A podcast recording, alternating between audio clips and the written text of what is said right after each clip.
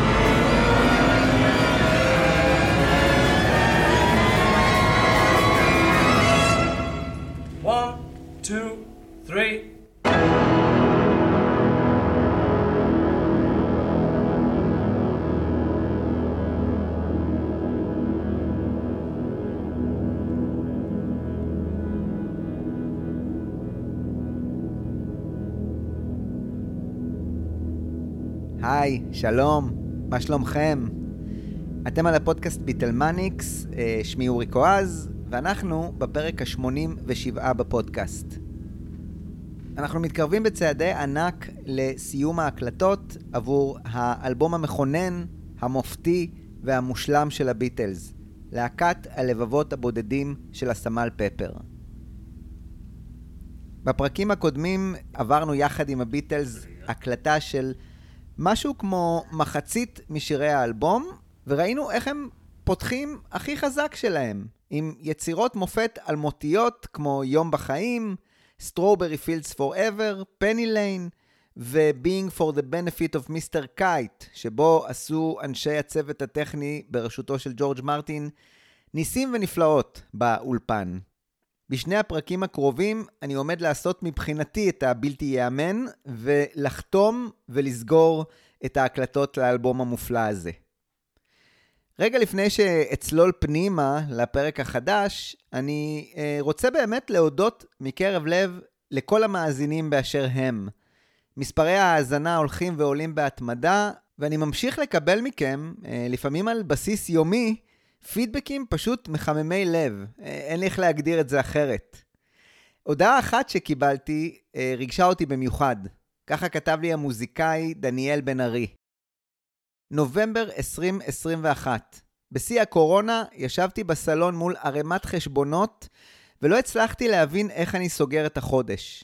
גל של דאגה סחף אותי, וכדי להירגע התחלתי לכתוב במחברת את כל הרעש, עד שהרגשתי שקט. ונזכרתי, נזכרתי שאני שמור, בטוח ומוגן, ושדברים איכשהו מסתדרים אם רק נותנים להם שיסתדרו. מאז, השיר הזה שכתבתי מחזק בי את אותו הטראסט שהשדים שלי בראש הם רק אשליה, ושאיכשהו, בסופו של דבר, הכל מסתדר לטובה. אמנם מילות השיר נכתבו בימי הקורונה, אך רק בחצי השנה האחרונה הקלטתי אותו. וההשראה לעיבוד הגיעה לא מעט מהפודקאסט הנפלא על הביטלס, שהצליח לפתוח אצלי את בלוטות ההשראה והיצירה. אני מודה שקראתי את הטקסט הזה אה, כמה פעמים, והתרגשתי בכל פעם מחדש, והסתקרנתי מאוד לשמוע את השיר הזה. ואחרי שדניאל שלח לי אותו, אז אה, האמת, התאהבתי לגמרי.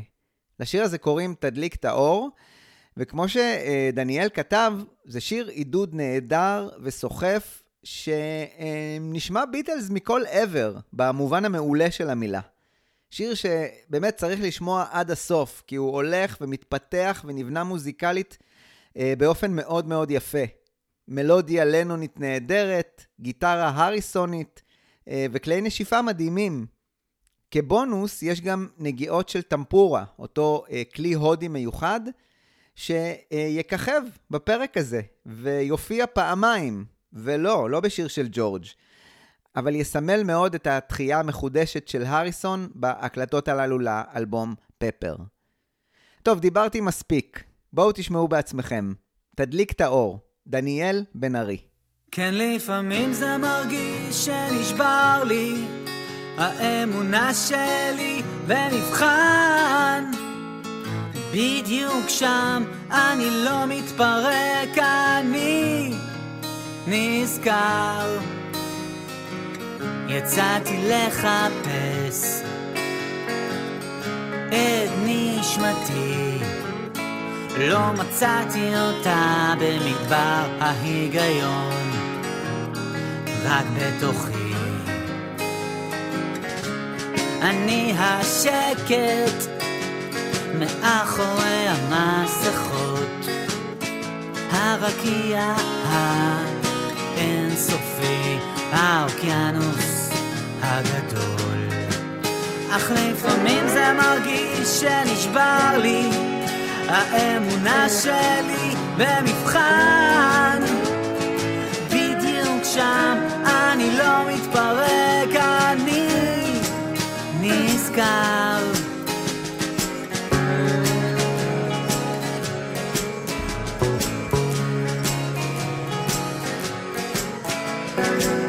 בשעות האפלה יושב לאור הנר. הצללית על הקיר מזכירה לי חיים. מגלגול אחר. אני נזיר מתבודד. שבחר לנתק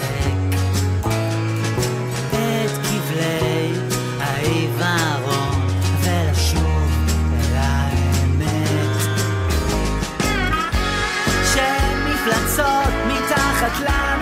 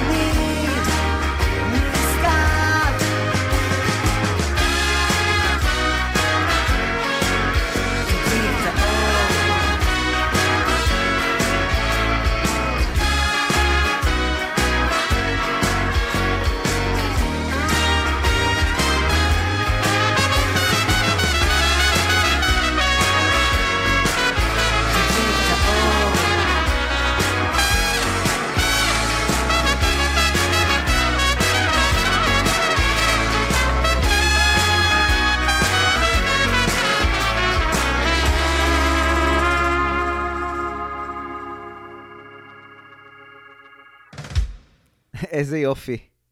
תודה ענקית לדניאל בן ארי, המוכשר, ואתם מוזמנים להמשיך לשלוח לי הודעות, פידבקים ומה שתרצו. זה מרגש לאללה. טוב, עכשיו אני באמת מוכן אה, להתחיל את הפרק החדש שלנו בסדרה מריבולבר לפפר, הפרק ה-11 בסדרה. אתם מוכנים להתחיל? יאללה.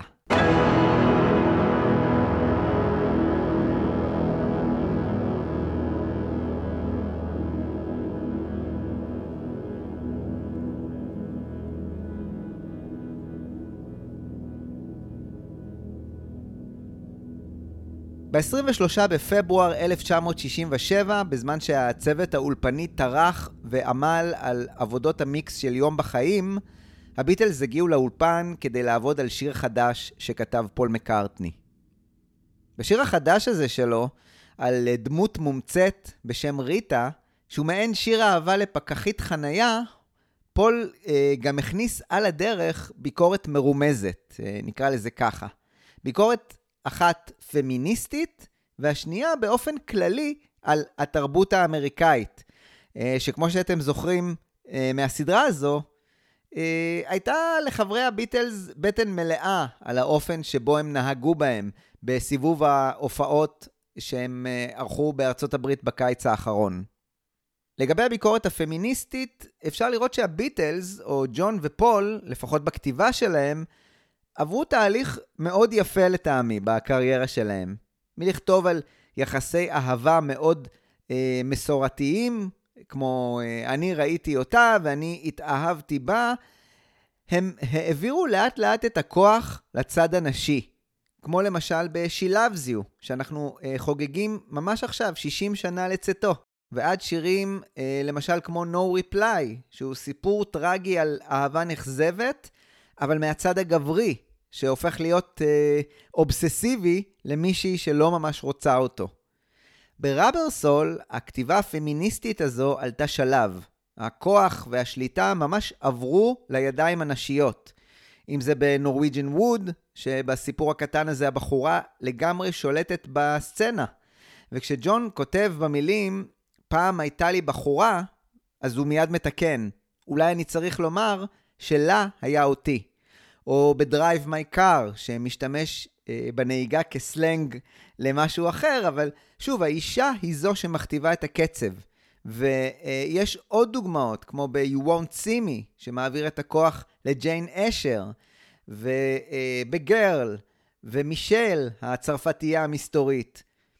אבל הוא נסגר בשיר הכי לא פמיניסטי של הביטלס, ב-Run for your life, שאני מאלה שחושבים אה, שחוץ מהמחווה של ג'ון לאלוויס בו, אה, יש גם משהו מאוד פמיניסטי בשיר הזה, בהפוך על הפוך. איכשהו אה, ג'ון מקצין ומסרטט בו קו אדום או טאבו על תופעה שאין לה מקום בעולם, ומנסה בכוונה לזעזע. אם נחזור ל- Lovely Rita, השיר החדש של פול, אז ככה סיפר מקארטני בביוגרפיה שלו, ב-Many Years From Now, כשהוא הבין שבאמריקה קראו אה, לאותם פקחיות אה, החנייה meter maids, שאין דרך יפה אה, לתרגם את זה חוץ מעוזרת אה, או משרתת של ה- meter, אותו מה שאנחנו קוראים לו מדחן, שמכניסים לתוכו מטבעות כדי לשלם עבור החנייה. ככה מקארטני סיפר. חשבתי לעצמי, אלוהים, זה כל כך אמריקאי לקרוא לתפקיד הזה ככה. בעיניי למייד היו גם קונוטציות מיניות, כמו פרנץ' מייד, אותן משרתות או עוזרות בתקופה הוויקטוריאנית, שהייתה להן אזרחות צרפתית, או המילק מייד שהיו מועסקות בבתים ותפקידן היה לחלוב את הפרות ולהכין מהחלב חמאה וגבינות. יש משהו בעוזרת מיטר, במרכאות, שעשה את זה קצת יותר רשמי, כמו אה, מונה במונית. המונה פועל, ויש את עוזרת המונה. לשמוע את זה פשוט שישע אותי. באנגליה שומעים את הביטויים האמריקאים האלה והם נכנסים לאוצר המילים שלנו. אנחנו נותנים להם להיכנס כי אנחנו משורשעים מהם. זה לא בגלל שאנחנו אוהבים אותם, או ממש רוצים להשתמש בהם. זה רק בגלל שזה מצחיק. ריטה היה השם היחיד שיכולתי לחשוב עליו שהתחרז עם מיטר. אז התחלתי עם זה. ריטה מיטר מייד. ואז המשכתי ל-Lovely ריטה, ופשוט פינטזתי על הרעיון.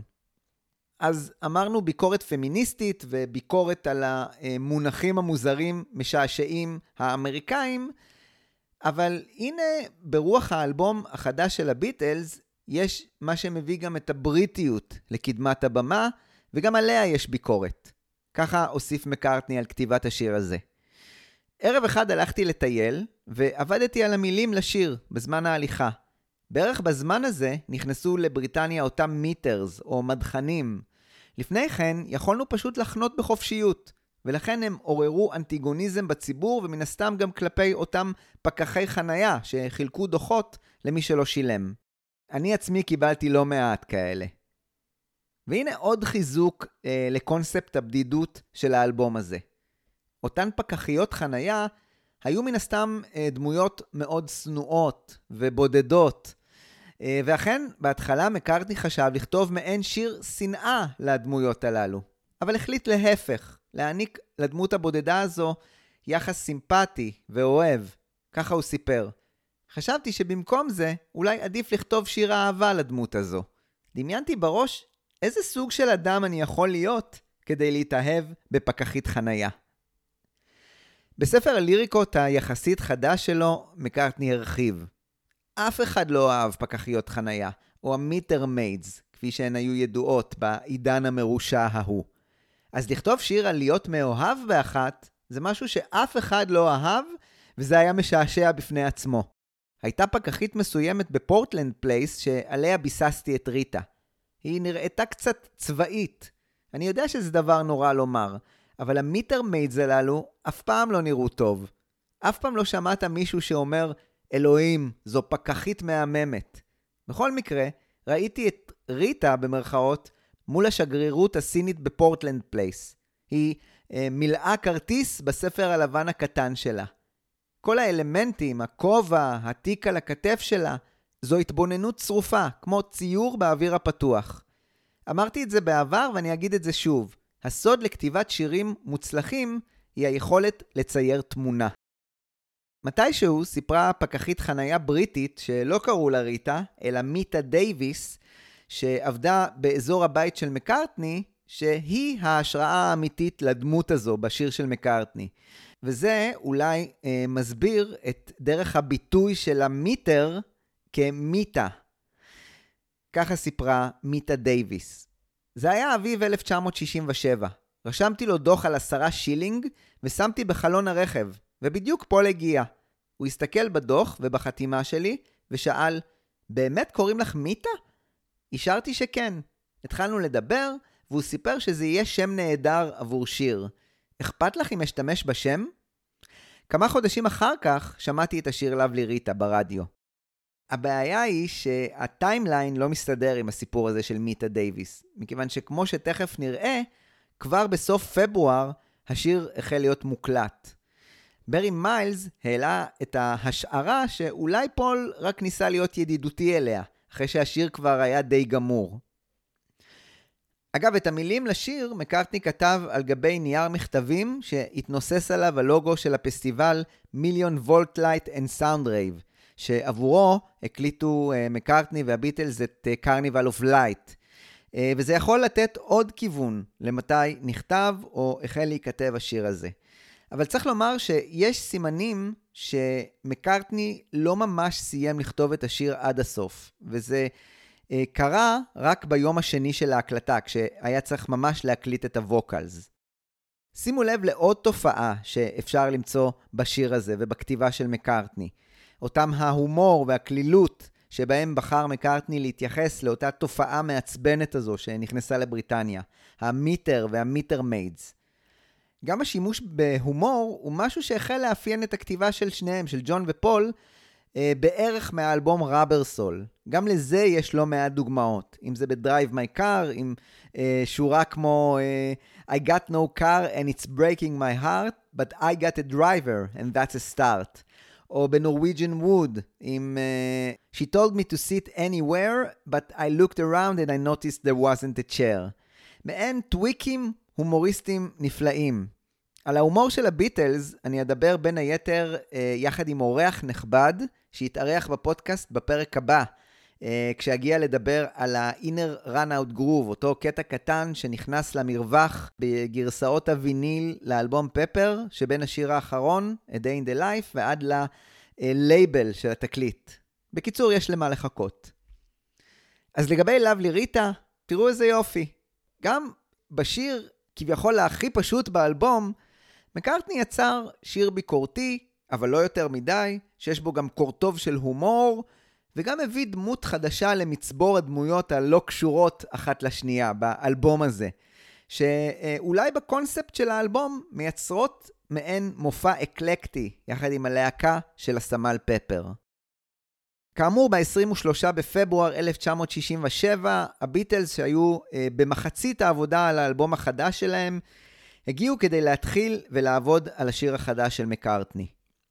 ה lineup עבור שמונת הניסיונות להקלטה של ה backing track היה שתי גיטרות אקוסטיות שניגנו עליהן ג'ון וג'ורג', פול על הפסנתר ורינגו בתופים. מעין lineup שקצת מחזיר אותנו אחורה בזמן, לריבולבר, וקצת מביא את העליצות הנחמדה ללא שום מניירות וניסיוניות אה, וכל התחכום החדש.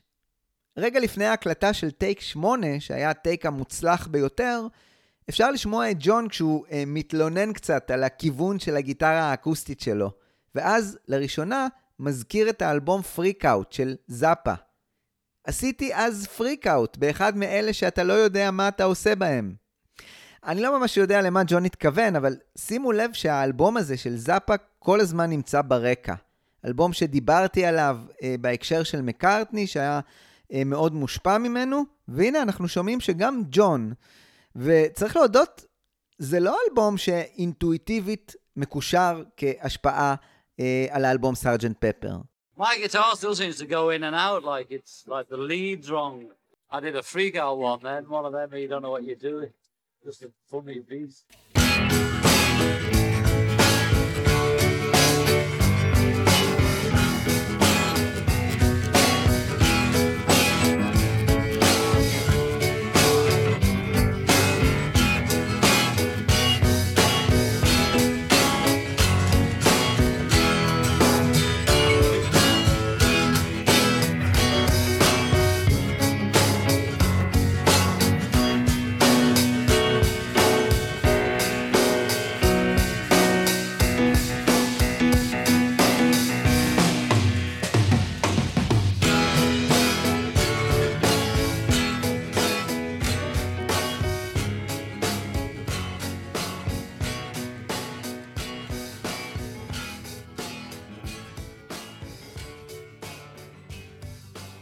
טייק 8 המוצלח עבר תהליך reduction ונקרא מעכשיו טייק 9. ג'ף אמריק סיפר על שיטת העבודה החדשה של פול שהתחילה בשיר הזה. ב track הזה פול התחיל לתרגל איך להקליט את הבאס אחרון, אחרי שכל שאר החלקים כבר היו מוקלטים. היכולת לעבוד עם כל שאר המרכיבים שהוקלטו אפשרה לו לשמוע את השיר בכללותו ולייצר line בס מלודי שהשלים בצורה מושלמת את העיבוד הסופי. את התוספות הללו הוא עשה בשעות הקטנות, הרבה אחרי שכולם הלכו הביתה. אלה היו רק ריצ'רד לש ואני בחדר הבקרה. כשפול ישוב על כיסא באמצע האולפן, הרחק מאותה הפינה הרגילה שלו, כשהוא עובד במרץ כדי לשכלל את ליין הבאס ונותן את כל מה שיש לו. ריצ'רד עבד איתו אה, בקטע אחד בכל פעם, עד שכל תו נוגן בצורה מושלמת, ופול היה מרוצה מהתוצאה. הוא, פול, כמובן היה הפוסק האולטימטיבי. אבל הוא גם הציץ כל הזמן לחדר הבקרה כדי לראות אם אנחנו נותנים לו את אותם thumbs up. מה שעשה ג'ף אמריק בזמן שריצ'רד הקליט את פול, הוא לחשוב איך אפשר להקליט את הסאונד של הבאס באופן עוד יותר רובסטי, אה, עגול ויפה, ולתת לו את הזכות להיות כלי מוביל. זו הייתה השאיפה של פול לשלמות, שאפשרה לי סוף סוף לייצר טכניקת הקלטה שתתפוס סאונד אולטרה חלק של הבאס. משהו שחיפשתי במשך שנים. המפתח היה להפסיק להגביל את צליל הבאס ולהזיז אותו למרכז האולפן. ואז הצבתי מיקרופון כשני מטרים ממנו. כשהאולפן ריק, אפשר לשמוע קצת מהריקנות של החדר סביב הבאס, מה שבהחלט עזר. זה נתן לבאס הגלגלות ושם אותו בחלל משל עצמו, מה שהפך אותו לכלי מוביל.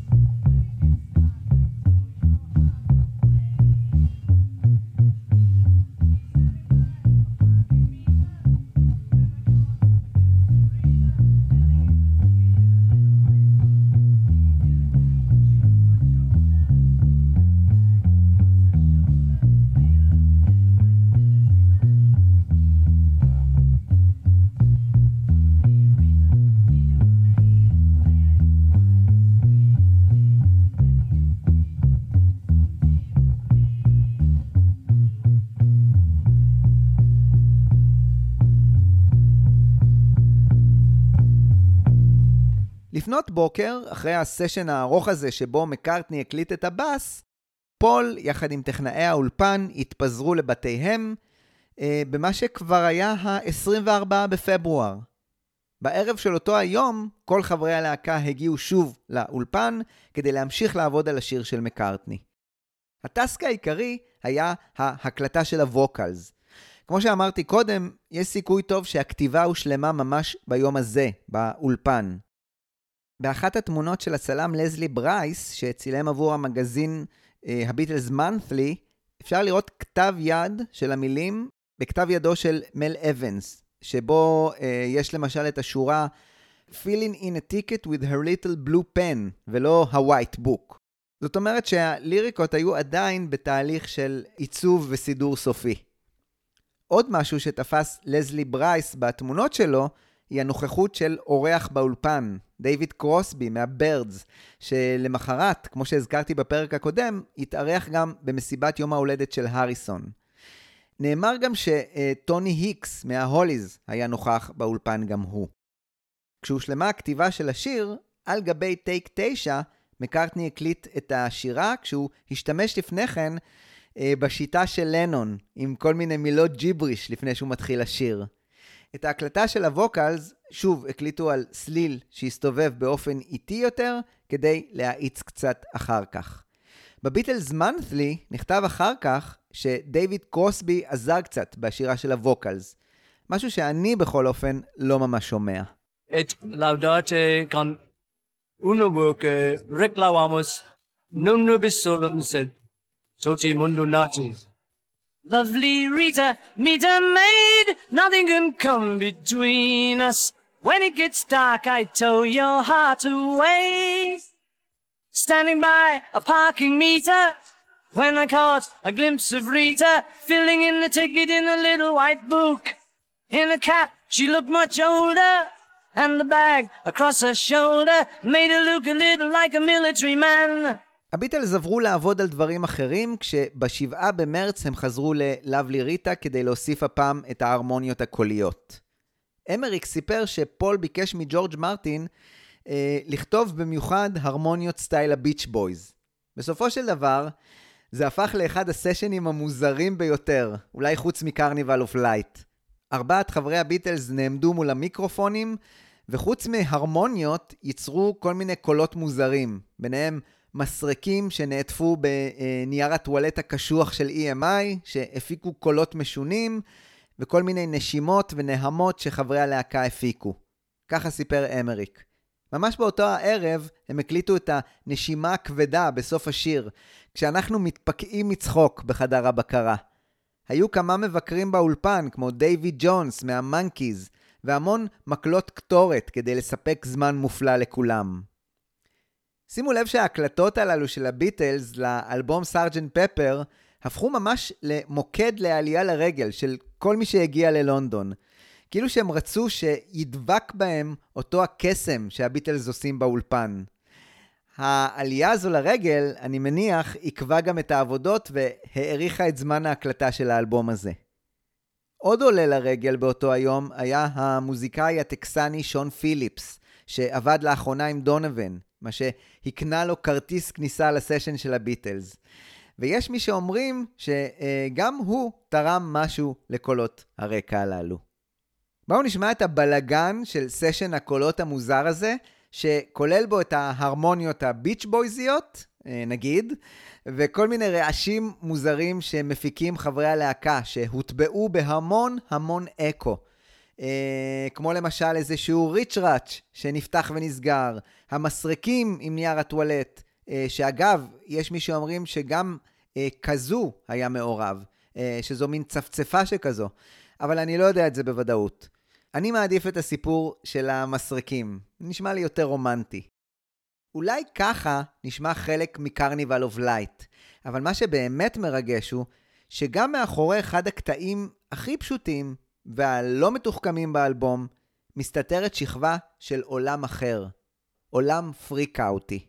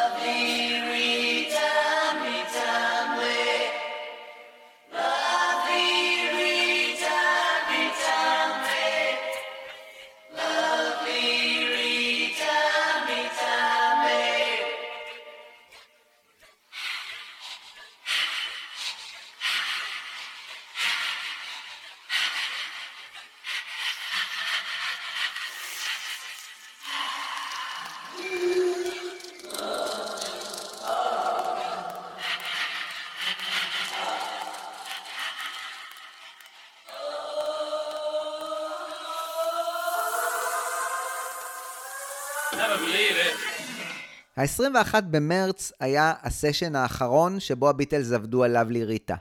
למעשה הם הגיעו כדי להשלים קולות עבור אה, שיר אחר, שאני מיד אדבר עליו, Getting Better. אבל אחד הדברים הבולטים ביום הזה היו אותן רמות סוטול קשות של ג'ון מ-LSD. משהו שהיה מאוד חריג בתקופה הזו, כי הביטלס אולי עישנו משהו קטן לפני ההקלטות, אבל LSD היה מחוץ לתחום. ככה ג'ון הסביר. לעולם לא לקחתי את זה באולפן. פעם אחת זה קרה בטעות. חשבתי שאני לוקח ממריצים. פתאום שמתי לב שאני מפוחד ליד המיקרופון. חשבתי שאני סתם לא מרגיש טוב. חשבתי שאני עומד להיסדק, וביקשתי לנשום אוויר. לקחו אותי לגג של האולפנים, וג'ורג' מרטין הסתכל עליי באופן מוזר. הבנתי שכנראה לקחתי אסיד, ואמרתי, אני לא יכול להמשיך. תצטרכו להקליט בלעדיי ואני אצפה בכם. ככה ג'ורג' מרטין סיפר על התקרית הזו. הקלטנו עבור אחד השירים של פפר, וג'ון, באולפן, החל להרגיש לא טוב. שאלתי דרך האינטרקום, מה העניין, ג'ון? אתה לא מרגיש טוב? לא, ג'ון ענה. ירדתי והבטתי בו, והוא אמר, אני לא יודע, אני מרגיש מאוד מוזר. הוא בהחלט נראה חולה, אז אמרתי לו, אתה צריך קצת אוויר צח. בוא נשאיר את האחרים לעבוד, ואני אקח אותך החוצה. הבעיה הייתה, לאן ללכת? בחוץ חיכו לנו מעריצים. אז לקחתי אותו לגג, שהיה ממוקם מעל אולפן מספר 2. אני זוכר שזה היה לילה מקסים, עם כוכבים בהירים מאוד. ואז פתאום הבנתי שההגנה היחידה מסביב לקצה הגג היא מעקה בגובה של כשישה סנטימטרים. הסתובבנו על הגג זמן מה, ואז הוא הסכים לחזור למטה. רק הרבה אחר כך נודע לי מה קרה. ג'ון נהג לקחת כדורים ממריצים כדי לתת לו את האנרגיה לעבור את הלילה. באותו הערב הוא לקח בטעות את הגלולה הלא נכונה, מינון גדול מאוד של LSD, אבל פול ידע והלך איתו אחר כך הביתה כדי לארח לו חברה. נראה שהיה להם טריפ אמיתי. ידעתי שהם מעשנים מריחואנה, וידעתי שהם לוקחים כדורים, אבל בתמימותי לא היה לי מושג שהם גם בעניין של LSD. הגרסה של אה, מי שאדבר עליו עוד מעט בפרק הזה, הנטר דייוויס, שכתב את הביוגרפיה של הביטלס לאותו האירוע, הייתה שג'ורג' מרטין אה, חזר מהגג ללא ג'ון, וכשפול שאל מה קורה עם ג'ון, מרטין ענה, הוא מביט בכוכבים. אתה מתכוון כמו הזמר וינס היל? שאל אה, פול, ואז פול יחד עם ג'ורג' התחילו לשיר קטעים מתוך אדלווייז, הלהיט העכשווי של וינס היל.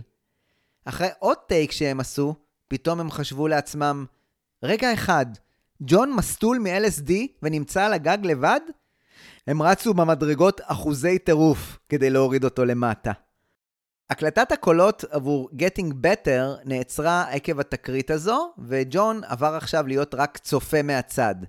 והוא אה, ישב וצפה בשאר חברי הביטלס מנסים למצוא פתרון להקלטה של סולו עבור לאבלי ריטה.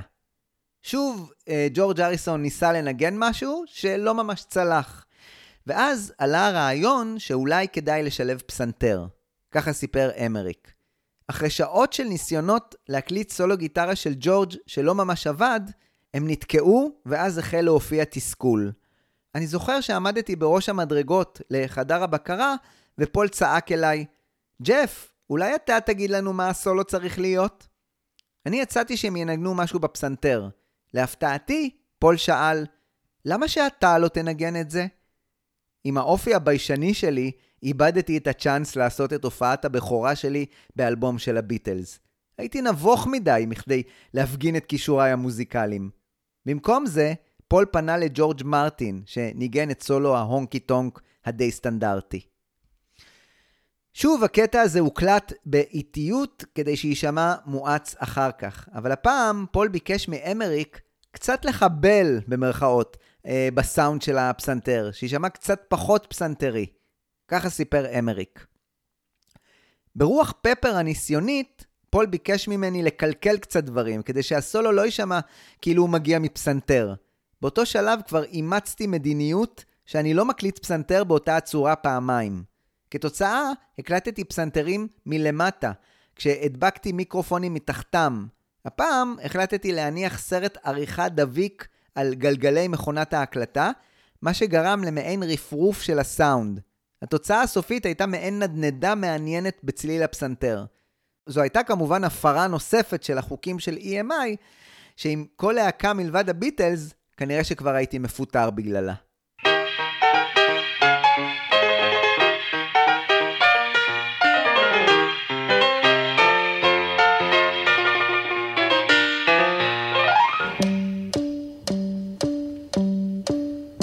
כשרק התחיל הסשן ביום הזה, והביטלס עוד עבדו על הקולות של Getting Better, נכנס אורח לחדר הבקרה כדי לשאול משהו את ג'ורג' מרטין.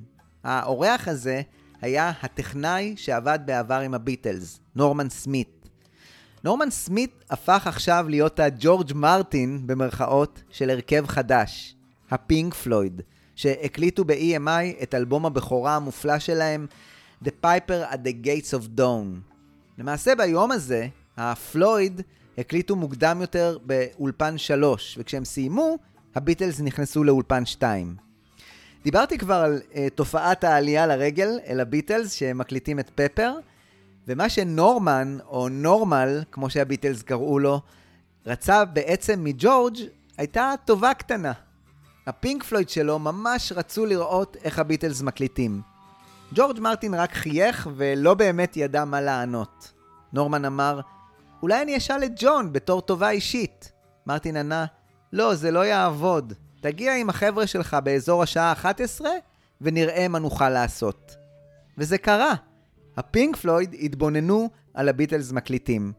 בשלב הזה, אחרי התקרית עם ה-LSD של uh, ג'ון, uh, כשהוא ישב ורק הסתכל, הביטלס כבר עבדו על לאבלי ריטה. ככה סיפר ניק מייסון, המתופף של הפלוידים. הוכנסנו לאולפן 2, שבו הפאב 4 היו עסוקים בהקלטה של לאבלי ריטה. המוזיקה נשמעה נפלא ומקצועית להפליא. ישבנו בצניעות בחלק האחורי של חדר הבקרה בזמן שהם עבדו, ואחרי פרק זמן הובילו אותנו החוצה.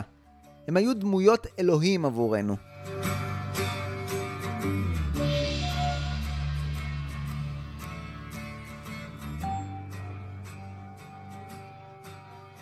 הביטלס סיימו את אה, חלקם בהקלטה של Lovely Rita, אבל הצוות הטכני התחבט קשות עם המיקס, שבסופו של דבר אפשר לשמוע שהואט משמעותית, מה שבעצם ביטל את ה over עליצות שהייתה בקול של מקארטני בגלל ההאצה, והוריד את השיר להיות אה, כמעט במהירות רגילה. הנה הקול המואץ של מקארטני והקול בתוצאה הסופית. Took her out and tried to win her. Had a laugh and over dinner. Told her I would really like to see her again. Got the bill and repaid it. Took her home and nearly made it. Sitting on the sofa with a sister or two.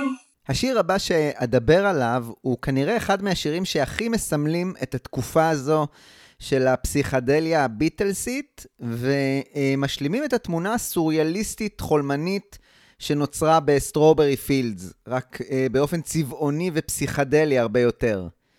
באותה הנשימה הוא גם אחד השירים של הביטלס שמעוררים מחלוקת. על מה הוא בעצם נכתב? אני כמובן מתכוון ל-Lucy in the Sky with Diamonds, שלפעמים גם אני מתבלבל, ויש לי הרגשה שהוא אה, נועד להיות שיר הסמים, או הטריפ המובהק באלבום הזה, כמו למשל התפקיד שקיבל Tomorrow Never Knows. אבל לנון דאג להכחיש את הקשר הזה מכל וכול. מה שעורר אצל כולם את החשד המיידי שמדובר בשיר שעוסק בטריפ של LSD, היו קודם כל ראשי התיבות של השם שלו, Lucy Sky Diamonds. אבל הסיפור של לנון היה אחר לגמרי. Let me confirm quickly a couple rumors with you. Yes. One of them, has it ever been settled whether Lucy in the Sky with Diamonds was a code for anything? It never was, and nobody believes me. I even saw uh, some famous star introducing, I've forgotten who it was, introducing a Lennon McCartney show. And uh, it was Mel Torme saying about how Lucy in the Sky with Diamonds was about LSD. This is the truth. My son came home with a drawing and said, showed me this strange looking woman flying around. I said, What is it? He said, It's Lucy in the Sky with Diamonds. And I thought, That's beautiful. I immediately wrote a song about it. The song had gone out, the whole album had been published, and somebody noticed that, that the letters spelt out LSD. And I had no idea about it. And of course, after that, I was checking all the songs to see what the, the letters spelt out. Yeah. They didn't spell out anything, none of the others, and uh, it wasn't about that at all, you know. They could do that. with E- Eleanor Rigby But nobody was, believes, uh, you see. Yeah. stood for there was Henry the Horse in a song I wrote called Mr. Kite. The, the lyrics, which I got most of it off, was an old poster for an old-fashioned circus, you know, from the 1800s. And it was all about Pablo Fanke's fair, and the horse was there. And they said Henry the Horse was horse, which I didn't know anything about then. ככה ג'ון אה, סיפר לדיק קאבט בריאיון שנערך ב-1971. ג'וליאן הגיע עם ציור שהוא צייר בבית הספר של לוסי בשמיים עם יהלומים. משם, כמו מהפוסטר במיסטר קייט, ג'ון קיבל את ההשראה לכתוב את השיר. הבעיה הזו, במרכאות, אה, על מה נכתב השיר לוסי בשמיים עם יהלומים, היא בעיה כל כך קשה במחנה של המעריצים של הביטלס, שאפילו ספר נכתב על הסוגיה הזו. ספר שנקרא Lucy in the Mind of Lennon, שכתב טים קאסר, שנכנס ומנתח את השיר הזה באופן אה, מעורר השראה. אני כמובן נוגע בקצה הקרחון אה, של מה שטים קאסר נכנס אליו בספר, אבל תבינו כמה השיר הזה הוא חידה אה, אצל מעריצי הביטלס. קשה באמת לדעת האם ג'ון כתב במודע או שלא שיר שמשכנע את כולם כבר בהאזנה הראשונה שיש בו משהו טריפי, ושהוא ממשיך את הקו של Tomorrow Never Knows. אבל האמת היא שאפשר גם להאמין לסיפור הזה של אה, ג'ון, במיוחד כשיש לו אישורים מעוד אנשים שהיו שם. למשל סינתיה. אני זוכרת אותו, את ג'וליאן, חוזר עם הציור הביתה מבית הספר, והוא הראה אותו לאבא שלו. באותו הזמן ג'ון לא אמר, אוי אלוהים, איזו כותרת נהדרת לשיר. אבל כנראה שמה שג'וליאן אמר, לוסי בשמיים עם יהלומים, נכנס לאנשהו. זה היה רק ציור פשוט של ילדה קטנה בשמיים עם כוכבים. והילדה הקטנה הייתה לוסי, ילדה מבית הספר. גם פיט שוטון, החבר הטוב של ג'ון מליברפול, אישר את הסיפור הזה. במקרה הייתי שם ביום שבו ג'וליאן חזר הביתה מבית הספר עם ציור פסטל של פניה של חברתו לכיתה לוסי על רקע של כוכבים מתפוצצים ומלאי צבעים. ג'ון התרשם בצורה יוצאת דופן מעבודת היד של ג'וליאן ושאל איך קוראים לציור. זו לוסי בשמיים עם יהלומים, ג'וליאן ענה. פנטסטי, ג'ון אמר. לוסי אודנול, אותה הילדה שג'וליאן צייר, לא רק למדה עם ג'וליאן, אלא גם התגוררה קרוב מאוד למשפחת לנון. וכשמדברים על בית ספר, אז יותר מדויק לומר שג'וליאן, שעדיין לא היה בן ארבע, היה עם לוסי בגן הילדים. לוסי סיפרה ב-2007 שהיא זוכרת את ג'וליאן מצוין. ישבנו זה לצד זו ליד שולחנות מיושנים. היינו ממש איומים, לפי הסיפורים. אני זוכרת שציירנו והשלכנו צבע אחד על השנייה, למורת רוחו של האחראי עלינו. היא אכן אישרה שג'וליאן צייר ציור, ובאותו היום בדיוק ג'ון הגיע לאסוף אותו עם הנהג. לוסי, אגב, הלכה לעולמה עקב מחלה ב-2009, בגיל 46. האחרון במצעד העדים לקיומו של הציור של ג'וליאן היה כמובן מקארטני. הגעתי לבית של ג'ון, והוא אמר לי, תראה את הציור הזה של ג'וליאן, תראה את הכותרת שהוא נתן לו. היה רשום בעיפרון, לוסי in the sky with diamonds. זו לוסי, חברה שלו מבית הספר, והיא בשמיים. מקארטני סיפר שהוא ראה שג'וליאן צייר כוכבים, אבל אז הוא פירש אותם כיהלומים. ג'ון ואני אהבנו את זה מאוד. היא הייתה בשמיים, וזה היה מאוד טריפי עבורנו. אז עלינו לחדר המוזיקה, והתחלנו לכתוב מילים עבור שיר. מה שג'ון עשה הוא בעצם לחבר את הסיפור הזה של ג'וליאן על אה, לוסי עם אחד הספרים שהוא הכי אהב בעולם, Alice in Wonderland. ליתר דיוק, אה, במקרה הזה הוא פשוט לקח סצנה מסוימת, דווקא מספר ההמשך שלו, Through the Looking Glass, ספר שלקח קדימה עוד יותר את הווייב ההזייתי והטריפי של האירועים שעברה אליס, אה, הפעם בארץ המראה. ספר שבסופו היא מתעוררת ולא יודעת לומר האם כל מה שהיא עברה הוא חלום, ואם כן, אז של מי? לנון מאוד אהב את הספר הזה, ובעתיד הוא ייקח עוד קטע ממנו עבור I am the Walrus. עבור השיר החדש הזה שהוא כתב בהשראת הציור של ג'וליאן, הוא לקח סצנה שבה מתוארת אליס כשהיא נסחפת בסירה קטנה תחת שמיים שטופי שמש כשהיא חולמנית. זה בעצם המשפט שהיה לג'ון. דמיין את עצמך בסירה בנהר. וכשפול ראה את זה כמעריץ בעצמו של הספר, הוא הבין לאן ג'ון חותר, אה, דו-משמעית. לדעתי הספר הזה של אה, לואיס קארול עלה בתודעה של ג'ון אה, מהסיבה שיש לו משהו משותף עם הספר של לירי. בשניהם הגבול בין מציאות לטריפ הוא מאוד שברירי. בשניהם צפים במעלה הזרם של התודעה, ובשניהם אתה לא בטוח האם מה שחווית הוא אמיתי או לא. בספרים של קארול יש אה, תפקיד לדמויות המוזרות והסוריאליסטיות שאליס פוגשת. כל אחד מהם מעמיד אותה עם שאלות קיומיות שמערערות על המציאות המוכרת. צריך לומר גם עוד משהו. הספרים האלה של לואיס קארול נכתבו בתקופה הוויקטוריאנית, משהו כמו 100 שנה לפני שג'ון עשה בו שימוש עבור השירים שלו. משהו בלהטוטי המילים של התקופה הזו, במיוחד בכתיבה של קארול, משך את ג'ון, כמו למשל אותה ההכרזה הגרנדיוזית אה, בפוסטר שהשפיע על Mr. Kite. דמיין את עצמך בסירה בנהר, עם עצי מנדרינה ושמי מרמלדה. מישהו קורא לך, אתה עונה די לאט. ילדה עם עיני קליידוסקופ. ככה סיפר מקארטני על תהליך הכתיבה של השיר הזה, יחד עם ג'ון. אני הצעתי פרחי צלופן, או מוניות מעיתון, וג'ון ענה בעיני קליידוסקופ. אני זוכר מה היה, כי החלפנו מילים אחד מהשני, כמו שתמיד עשינו, ובראש היה לנו את אליס, ששנינו אהבנו. אז בסיפור הזה שרקחו לנון and מקארטני, יש אלמנטים מתוך הספרים של לואיס קארול. למשל, את הארנב הלבן שכל הזמן נעלם ומופיע, מגלמת אותה דמות אליס, או לוסי. ויש כאלה שאומרים למרות השלב המוקדם, יוקו, שג'ון, כפי שסיפרתי בסדרה, כבר פגש אותה, ומאוד התרשם ואהב את הספר שלה, Grapefruit. בבית הראשון אנחנו נחשפים לילדה אה, לוסי עם עיני הקליידוסקופ שקוראת לדמות המספר, שמדמיין שהוא על סירה בנהר. בברידג' היא נעלמת.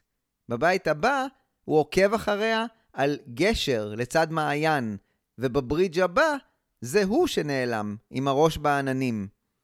בבית השלישי, המספר מדמיין שהוא נמצא בתחנת רכבת, ורואה שם את הנערה עם עיני הקליידוסקופ. דמיין את עצמך על רכבת, בתחנה, עם סבלים מפלסטלינה שעונדים עניבות ממראה. אה, Looking Glass Ties, רמז קטן למי שלא הבין, לספר של לואיס קארול. פתאום מישהו נמצא שם, ליד הקרוסלה. הילדה עם עיני הקליידוסקופ. הסבלים מפלסטלינה הגיעו דווקא מעולם אחר שג'ון העריץ, עולם הקומדיה. This is the BBC Light program. We present the all-leather goon show. For the benefit of listeners who are listening, we present the plasticine man.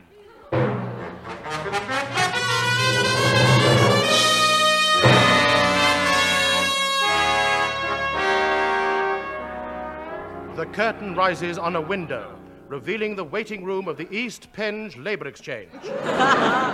on a crude wooden bench sit two crude wooden men. Oh, what? Oh, uh, oh, uh, oh.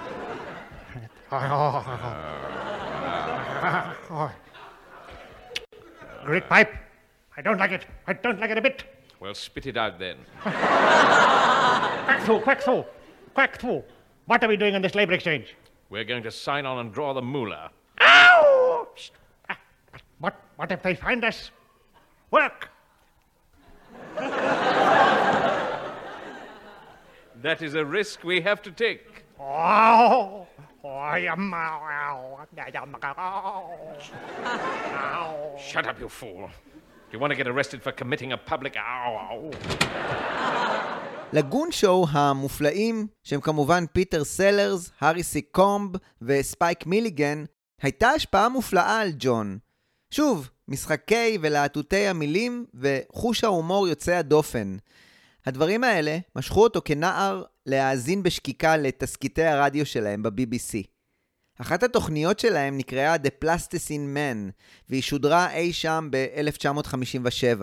והיא מספרת על uh, מישהו שהתחזה לאיש פלסטלינה בן 6,000 שנה, שרוצה ככה להחיות את הקריירה שלו.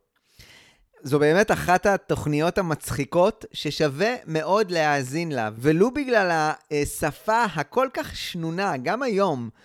ומי שיאזין יבין בדיוק מהיכן לנון הביא את העקיצות הקטנות והשנונות שלו, שאנחנו מכירים מכל מיני ראיונות, אה, וגם מהסרט, אה, A Hard Day's Night. ממש שפה שלמה שג'ון פשוט למד מהתסכיתים הללו. ככה סיפר ספייק מיליגן על ההלוואה הקטנה מהם עבור לוסי. ה Goon Show התגנבו ללוסי בתור סבלים מפלסטלינה עם עניבות ממראה. הכרתי את לנון די טוב, הוא דיבר הרבה על קומדיה, הוא היה פריק של ה Goon Show, אבל הכל נעצר כשהוא היה עם יוקו אונו. הכל נעצר, הוא לא ביקש לדבר איתי שוב.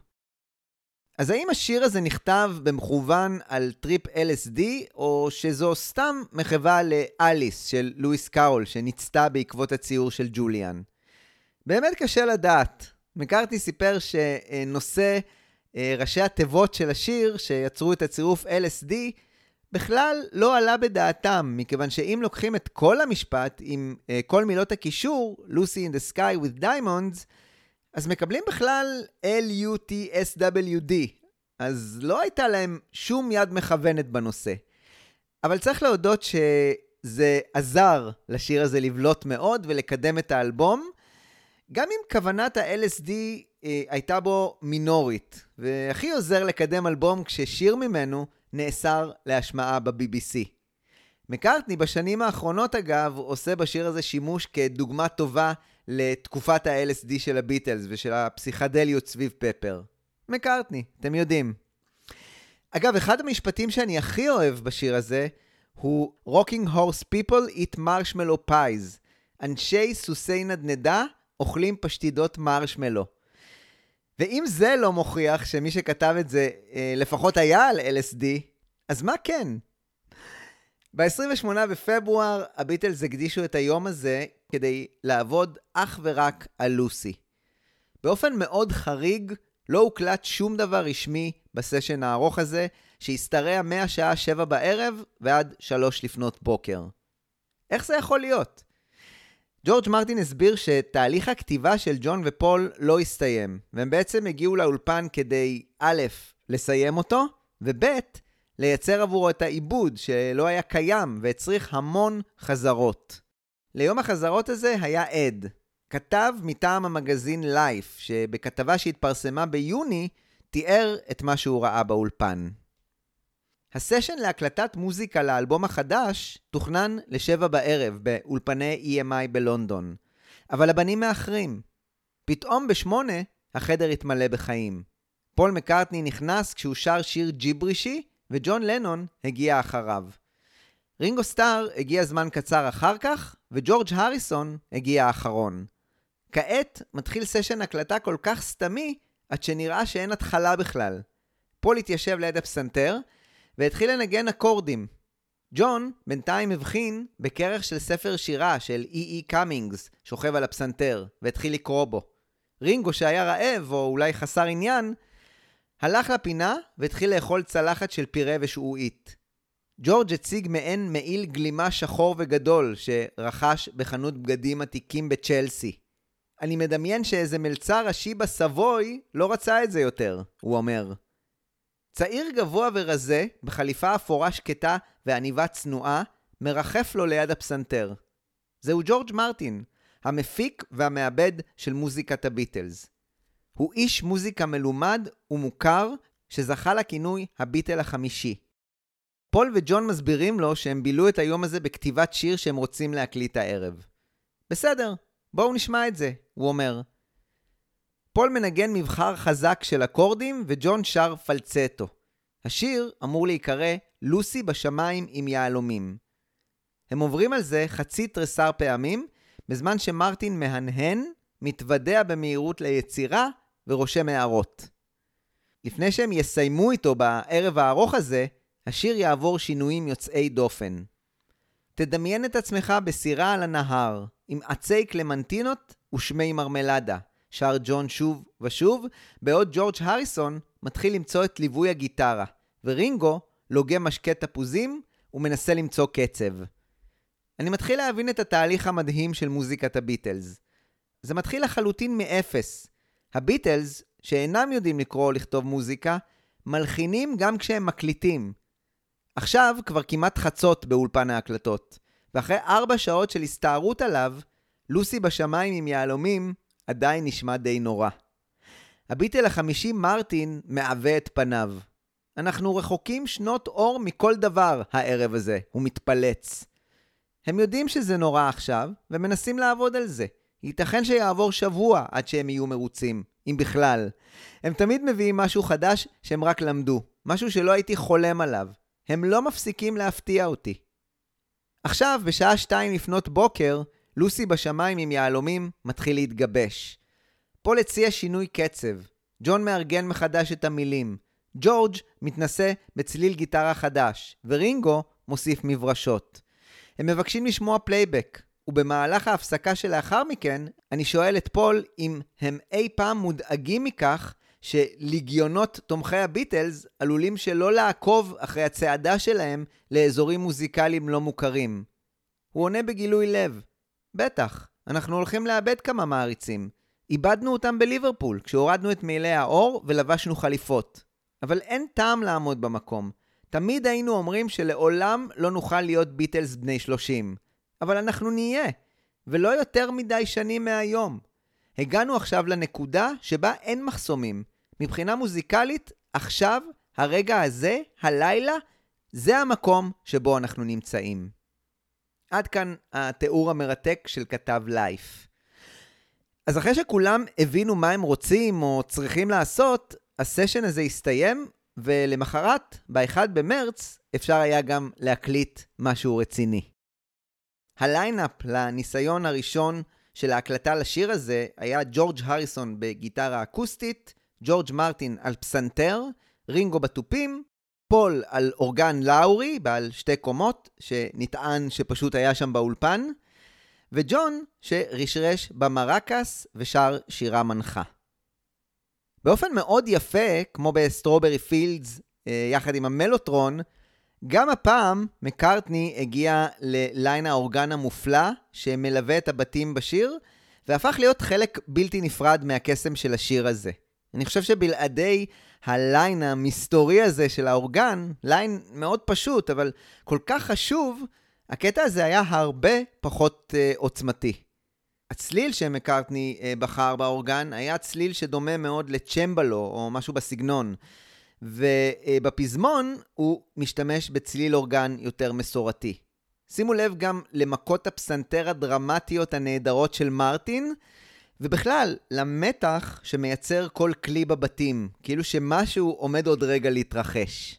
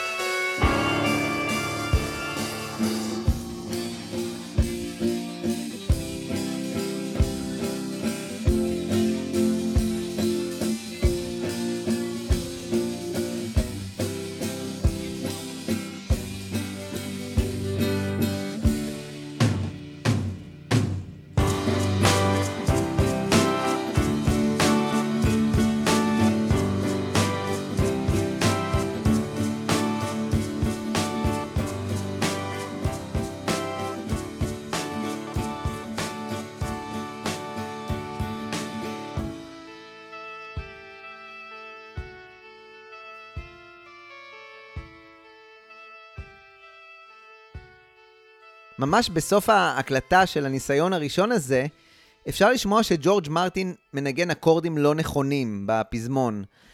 אבל אה, מה שלא כל כך הסתדר הוא אופן השירה שג'ון חשב שמתאים לשיר. הוא בעצם שר כל מילה בנפרד בקטע של הברידג'. Cellophane flowers of yellow and green towering over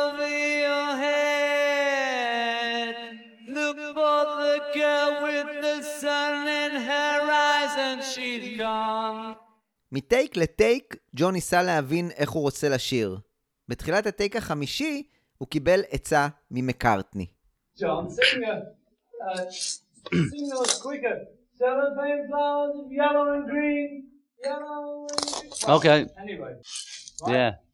מה שפול בעצם אומר לג'ון זה, אל תשאיר את המילים כיחידות נפרדות, אלא תחבר אותם ותשאיר באופן כזה שהם יזרמו יחד. ג'ון מסכים, וזה באמת מה שהוא עושה בטייק החמישי. מנסה למתוח ולחבר יחד את המילים שיישמעו באופן טבעי יותר, ויתכתבו עם הרוח הטריפית של השיר. אותי זה ממש מדהים שכרגע בעצם, לאורך הטייקים, האולפן הופך למעבדה שנבחנת בה בעיקר הדרך שבה ג'ון צריך לשיר. ובעצם כל השאר ברקע נשאר די סטטי. Picture yourself in a boat on a river with tangerine trees and marmalade skies. Somebody calls you, you answer quite slowly. A girl with kaleidoscope eyes. Cellophane flowers of yellow and green towering over your head. Look for the girl with the sun in her eyes and she's gone. ג'ף אמרי כתב בספר שלו על השינוי שהלך והתרחש בגישה של ג'ון אה, לאורך תקופת ההקלטות הארוכה יחסית של האלבום הזה. עד עכשיו היה ברור שהאישיות של ג'ון משתנה. במקום להיות דעתן, הוא נעשה שאנן. למעשה הוא נראה די מרוצה מכך שמישהו אחר יחשוב במקומו. אפילו כשעבדנו על אחד מהשירים שלו. באביב 1967 הוא נעשה יותר ויותר מנותק. אין ספק שפול היה מודע למצב, והוא ניצל את ההזדמנות להיכנס ולהרחיב את תפקידו בלהקה. זה התבטא באולפן בזמן שהם עבדו על השיר הזה, על לוסי. כשהקול הראשי של ג'ון נעשה פחות אגרסיבי ויותר חלומי עם כל טייק. זו אולי הייתה השתקפות של מה שהוא עישן מאחורי הקלעים, אבל זה היה ברור שגם פול כיוון אותו לכיוון הזה. בטייק 7, ג'ורג' הריסון החליט שהוא נוטש את הגיטרה האקוסטית ועובר לנגן בטמבורה ההודית. ככה הריסון הסביר את הבחירה בכלי הזה. אהבתי במיוחד את הסאונד שבו הצלחתי לחבר כמה כלים הודים עם מוזיקה מערבית. בנסיבות רגילות זה לא היה עובד על שיר מערבי כמו לוסי, שיש בו שינויי אקורדים ומודולציות, בעוד שטמפורות וסיטרים נשארים באותו המפתח לנצח. אהבתי את הדרך שבה ניתן היה להכניס לשם את הזמזום של הטמפורה. והנה גם יופי אירוני. בשיר שאתם זוכרים, לא מדבר על LSD, נכנס צליל הטמפורה בדיוק באופן שבו הוא נכנס לשיר שבאופן מובהק מדבר על LSD. Tomorrow Never Knows. אותו זמזום שפותח לנו את הפרקים בסדרה. ועכשיו השתחל גם לתוך Lucy in the Sky with Diamonds.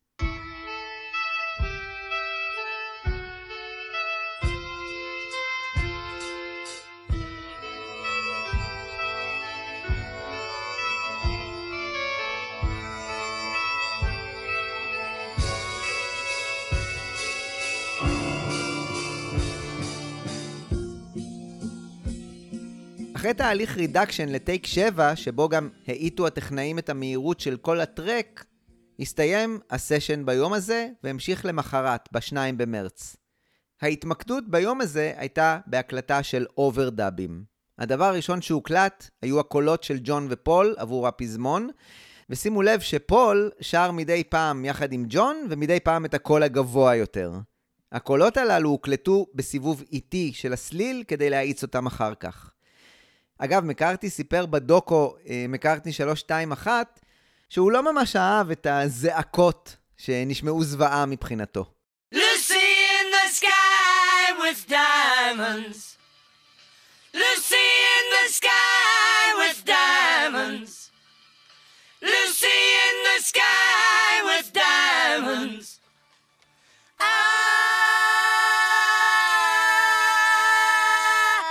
הקול הראשי של ג'ון הוכפל במקומות שונים, והתווסף לו הד כדי לתת את ההרגשה החולמנית הזו שהשיר כל כך כיוון אליה.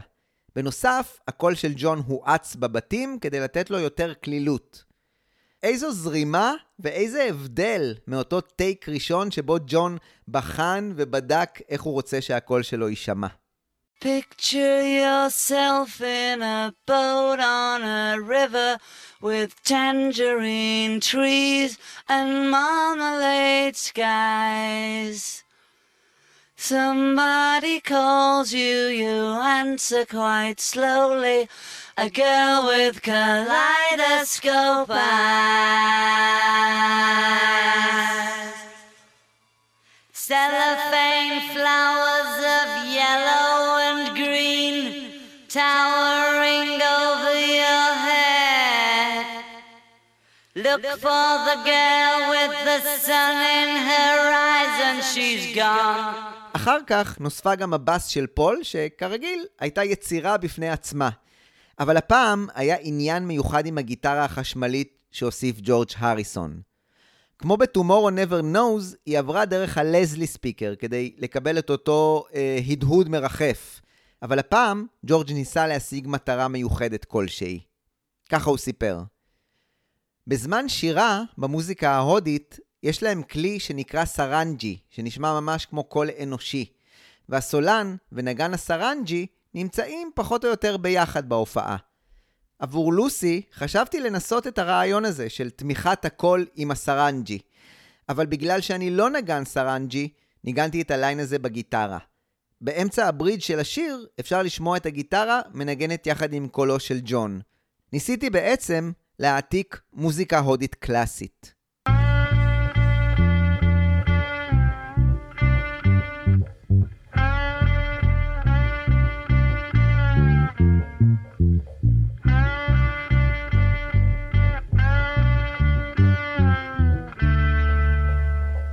התוצאה הסופית היא יצירה נפלאה שהפכה וזיקקה את מה שלואיס קאול כתב בשני הספרים לשיר של שלוש וחצי דקות. השיר הזה ממשיך את הקו של Tomorrow Never Knows, Strawberry Fields, A Day in the Life ומר קייט. ברצף יצירות לנוני שאין דומה לו. מישהו כתב אה, באחת התגובות לפרק הקודם על אה, מר קייט, שזה השיר הכי טוב של הצמד לנון מרטין. ואני חושב שכל התקופה שבה לנון העביר את המושכות למרטין, היא הכי נפלאה בקריירה של ג'ון, למרות שהוא לא אהב את זה. ואני מרגיש קצת סימפתיה למקארטני, שהביא את כל הרעיון הזה של פפר ואלבום קונספט, וקיבל צרור יצירות מופת של לנון באלבום הזה.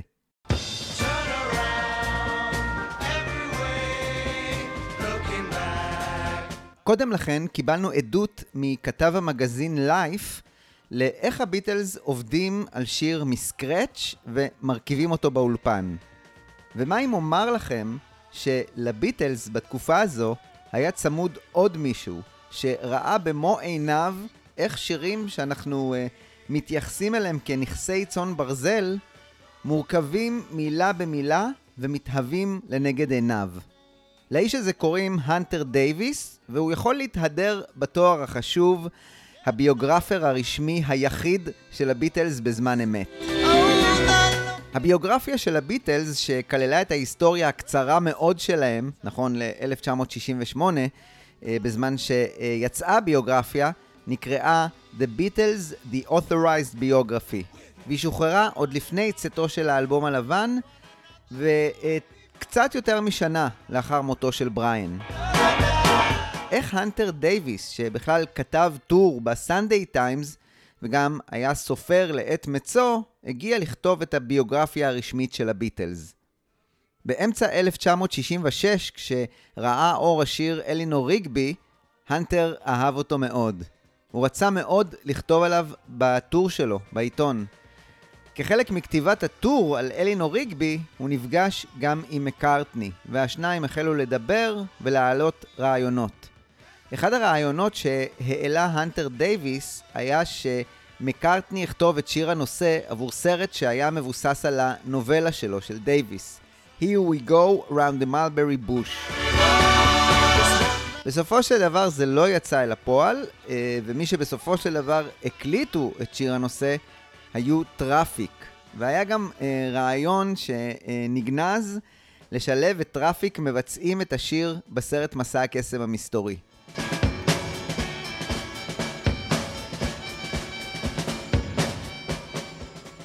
בשיחות הללו בין הנטר דייוויס למקארטני אז ב-1966 עלה עוד רעיון, ביוגרפיה לביטלס.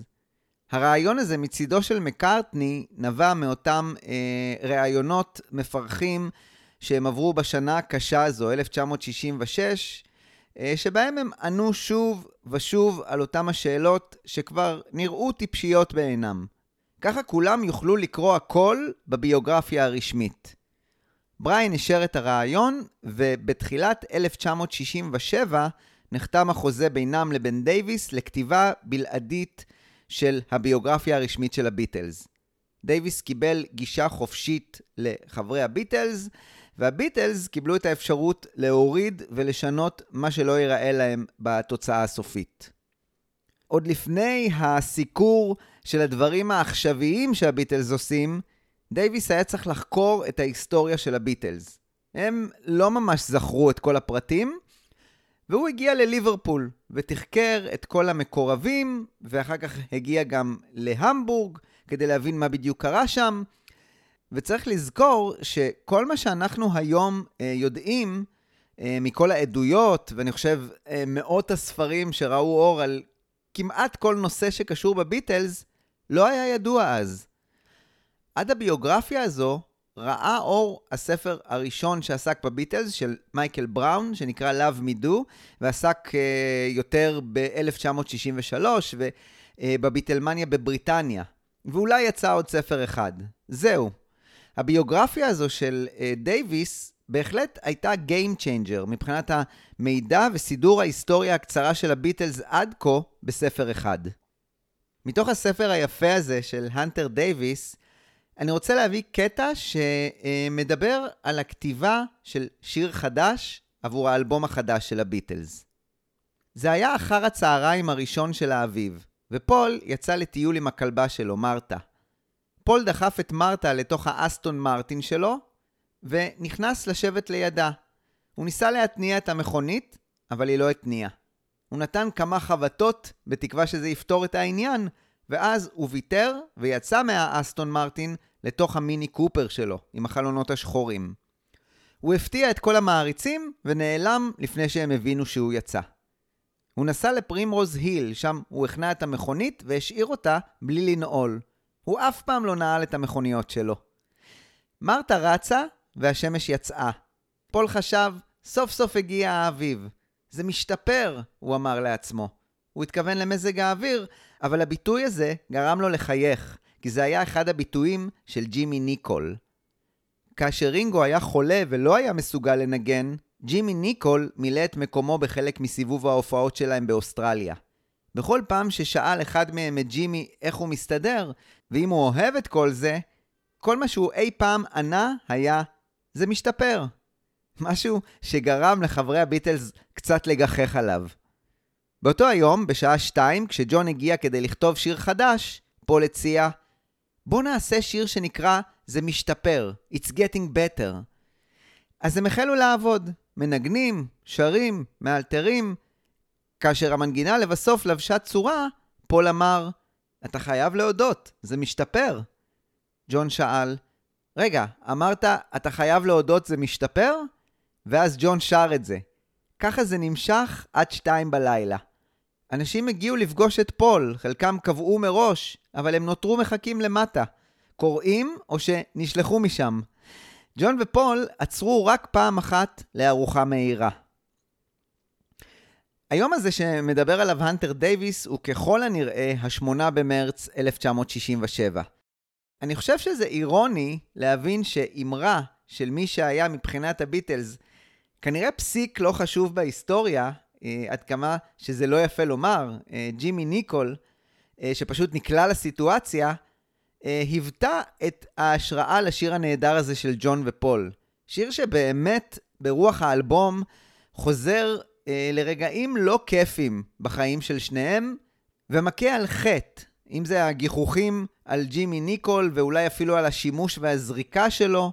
יש את התמונה הכל כך עצובה שלו, יושב לבד, בודד, בשדה התעופה, אחרי שרינגו חזר לביטלס. ואם זה באירועים אחרים בחייהם שהם היכו על חטא לגביהם. נהגתי לכעוס בבית הספר שלי. המורים שלימדו אותי לא היו מגניבים. מחזיקים אותי, מסובבים אותי, ממלאים אותי בחוקים שלכם. אני מניח שזה בית שבו שניהם, גם לנון וגם מקארטני, מכים על חטא שלא מרדו כבר הרבה קודם לכן, ושהקשיבו לכל מי שאמר להם שלא יצא מהם כלום. את הריטואל שמקארטני uh, תיאר ביום בחיים, uh, מתעורר, רץ לתחנת האוטובוס והולך ללימודים, לאור ההצלחה ומציאת הקול שלו במוזיקה, הוא היה צריך כבר הרבה קודם לכן להפסיק ולהתמקד במוזיקה. הייתי אדם צעיר וכועס, שמחביא את הראש בחול. אלה שתי שורות מאוד מעניינות, כי במקום השימוש ב-I, אני, הם מתחילים ב-me. Me used to be angry young man, me hiding me head in the sand. השימוש הזה ב-me במקום I לא היה מאוד נפוץ בשפה האנגלית. למעשה מי שדיברו ככה היו אנשים מהקריבים. ואני ישר נזרק להיסטוריה הלא ממש רחוקה של הביטלס, אה, בשלב הזה של אביב 1967. ל-1960 ולג'קרנדה וללהקות הקריביות שהיו מבצעות את הקליפסו, שהיה כל כך פופולרי אז בבריטניה, וללורד וודביין, אותו שותף עסקי של אלן וויליאמס, המנהל שלהם בתקופה הזו.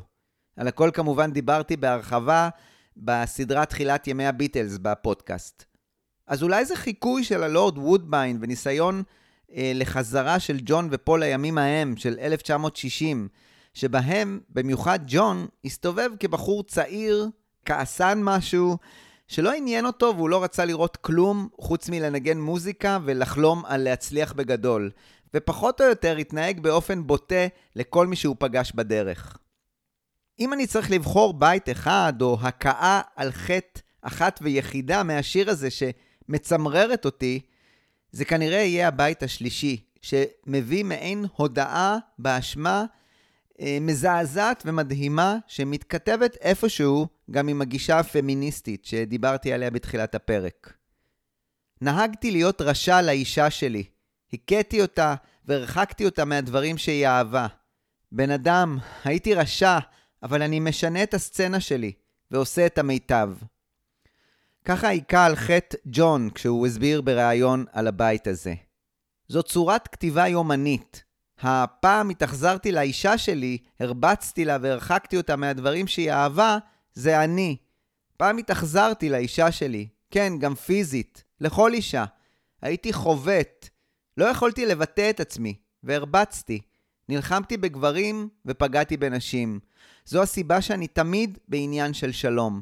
אלה האנשים הכי אלימים שהולכים על אהבה ושלום. אבל אני באמת מאמין באהבה ובשלום. אני אדם אלים שלמד לא להיות אלים, ומתחרט על האלימות שלו. אני אצטרך להיות הרבה יותר מבוגר לפני שאוכל להתמודד בפומבי עם איך שהתייחסתי לנשים כאדם צעיר.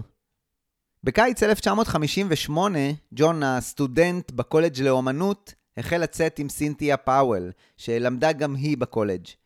היחסים היו מאוד אינטנסיביים עם התפרצויות קנאה מצידו של ג'ון, שהרגיש מאוד רכושני. שם הוא גם אה, פגש את אה, סטיוארט סאטקליף, ואחד האירועים האלימים שנקשר בג'ון וסינתיה היה סביב המשולש הזה.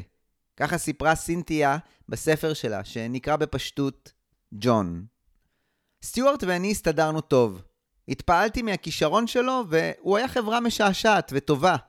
שמחתי שלג'ון היה חבר שלקח אומנות ברצינות. אבל מעולם לא ראיתי בו משהו יותר מחבר שהסתובב עם ג'ון ואיתי.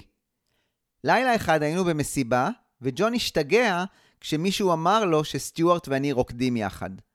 ברגע שראיתי את המבט על פניו של ג'ון, עצרנו. וכמו שקרה לעיתים קרובות בעבר, הרגעתי אותו שאותו אני אוהבת. נראה היה שהוא קיבל את זה, אבל למחרת בקולג' הוא הלך אחריי לחדרי הבנות במרתף. כשיצאתי, הוא חיכה עם מבט אפל על פניו. לפני שהספקתי לדבר, הוא הרים את זרועו והיכה אותי על פניי, ודחף את ראשי לתוך הצינורות שעברו במורד הקיר מאחוריי. בלי לומר מילה הוא הלך משם, והשאיר אותי מבולבלת, רועדת ועם ראש כואב מאוד. הייתי בהלם, באמת, המומה שג'ון היה אלים פיזית. יכולתי לסבול את ההתפרצויות שלו, את הקנאה והרכושנות, אבל האלימות הייתה צעד אחד רחוק מדי. ידעתי שאני חייבת לסיים את מערכת היחסים שלנו. במשך שבועות נשארתי נחושה לא לקבל את ג'ון בחזרה. אפילו יצאתי עם נער שגר לידי. הוצאתי אותו מהראש בתקיפות. עם זאת, זה לא היה קל, כי ראיתי אותו בסביבת הקולג' בכל יום. הוא נהג להסתכל עליי בקנטינה או בשיעורים, וכשהעיניים שלנו נפגשו, ידעתי ששנינו עדיין דואגים אחד לשנייה כמו תמיד. חברים אמרו לי שג'ון התגעגע אליי, ובהחלט התגעגעתי אליו, להומור שלו, למוזיקה ולתשוקה שלו. בתשעה במרץ 1967, הביטלס הגיעו לאולפן כדי לעבוד על שיר ההכאה על חטא החדש הזה של ג'ון ופול, שנקרא בינתיים It's Getting Better. אני חושב שזה רק ראוי לתת להנטר דייוויס להמשיך לספר על מה בדיוק התרחש שם. למחרת בערב, פול וג'ון הלכו לאולפן ההקלטות. פול ניגן וליווה את השיר החדש בפסנתר כדי לתת לאחרים מושג איך זה נשמע. רינגו וג'ורג' אמרו שהם אהבו את זה, וכך גם ג'ורג' מרטין. השלב הראשון בשיטת השכבות שבה הם השתמשו בהקלטות היה להקליט את ה backing track. הם דנו איך יהיה הצליל הכללי ובאיזה סוג של כלים להשתמש. כשהם השתעממו, הם נדדו באולפן וניגנו כל אחד לבדו על כל כלי שנקרא בפניהם. היה פסנתר חשמלי בפינת האולפן שנשאר מסשן הקלטה של מישהו אחר. מישהו מהם ניגן בו קצת והוחלט להשתמש בו. רינגו התיישב ליד התופים שלו וניגן את מה שהוא חשב שיהיה טוב, כשפול שר לו את השיר. בגלל הרעש, פול נאלץ לצעוק באוזנו של רינגו כשהסביר לו את מה שרצה. לאחר כשעתיים של ניסויים, היו להם אלמנטים עבור הבקינג טרק. ג'ורג' מרטין ושני טכנאי אולפן שישבו וחיכו עד אז, נכנסו לחדר הבקרה, ושם הם המשיכו לשבת ולחכות עד שהביטלס יתארגנו להקלטה. ניל ומל סידרו את הכלים והמיקרופונים, וארבעתם סוף סוף התחילו לשיר ולנגן. רינגו נראה קצת אבוד כשהוא מוקף בערכת התופים שלו. הם ניגנו את השיר יותר מעשר פעמים. כל מה שהוקלט בחדר הבקרה היו הכלים, לא הקולות שלהם. מדי פעם פול אמר, עוד פעם, בואו ננסה את זה ככה, או פחות בס או יותר תופים. בחצות הם סיימו להקליט את הליווי. אז מי ניגן במה בסשן הזה שתיאר הנטר דייוויס? על הפסנתר החשמלי ניגן פול, בבאס ג'ון, ג'ורג' על גיטרה חשמלית, ורינגו, כמובן, על התופים. It is getting better, take one. Sing it, uh, you know, uh, I gotta admit and get and all that properly. If you can think, you know.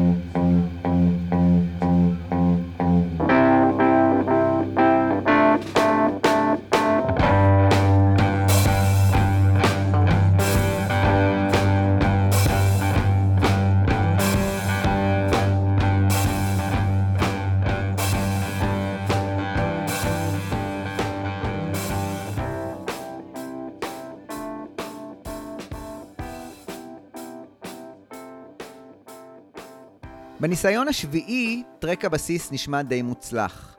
הצוות האולפני הפעם לא כלל את ג'ף אמריק. ג'ף לא הגיע לסשן הזה, ואת מקומו מילא מלקולם אדי, הטכנאי שבדרך כלל עבד עם קליף ריצ'ארד. מלקולם אדי, יחד עם אה, קן טאונסנד, התחילו לעבוד על ה reduction של ה take הזה. זאת אומרת, ממש להכין את המיקס או את ה premix מה backing track כדי לפנות עוד ערוצים לעוד הקלטות. חמישה ניסיונות נדרשו להם כדי לייצר את המיקס שהם רצו, ולכן התוצאה נקראה עכשיו טייק 12. למחרת, ב-10 במרץ, הביטלס הגיעו שוב לאולפן, והפעם היה נוכח גם ג'ף אמריק. הביטלס נשמו לרווחה, כי הם סמכו על אמריק ועל הפתרונות שלו, ולא כל כך אהבו את חוסר הנוכחות שלו ביום הקודם. שמח שחזרת, ג'ף, ג'ורג' בירך אותו כשהוא נכנס. הדבר הראשון שבלט מהמיקס שנעשה אתמול, הוא שהתופים הם לא בסאונד הרובסטי שהביטלס התרגלו לקבל באלבום הזה. ג'ורג' אריסון, שקלירלי התעורר בתקופה הזו והפך להיות מעורב, לא התאפק, עקץ את מלקולם ואמר, זה לא פלא, בהתחשב בכך שמלקולם לא שתק מספיק כדי לקבל צליל תופים הגון. אמריק אישר את צליל התופים הקלוקל בספר שלו. הופתעתי שרינגו לא אמר כלום למלקולם בלילה הקודם, כי הוא בדרך כלל לא התבייש להביע את דעתו. אולי הוא פשוט לא הצליח להבין מילה.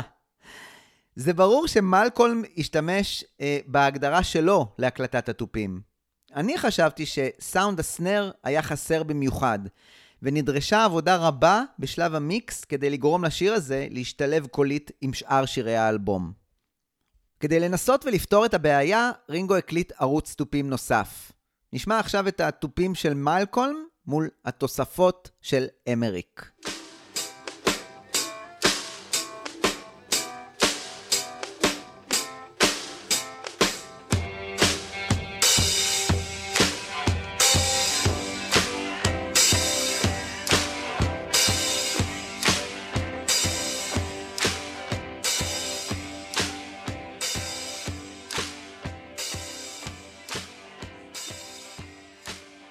אמרתי שזה הפרק של הטמבורה, ואכן, הריסון, שחזר לחיים באולפן, הציע כמו בלוסי להוסיף את אה, גיבורת הפרק שלנו, הטמבורה, שתלווה את כל השיר הזה. לפחות ככה דמיין הריסון, וככה באמת נשמע take 12 עם אה, כל האוברדאבים. המון המון טמבורה.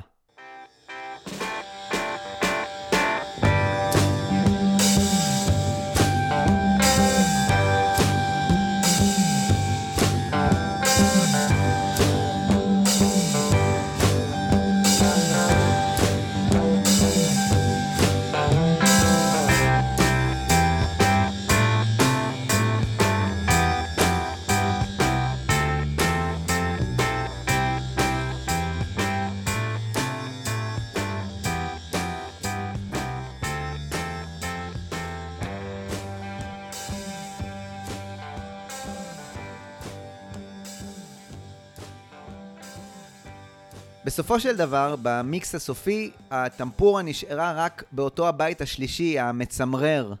וכשכל הכלים הושתקו, ונשארו רק תופי הקונגה ברקע, יחד עם הטמפורה, זה הדגיש עוד יותר כמה צער או הכאה על חטא יש במשפט הזה, I used to be cruel to my woman.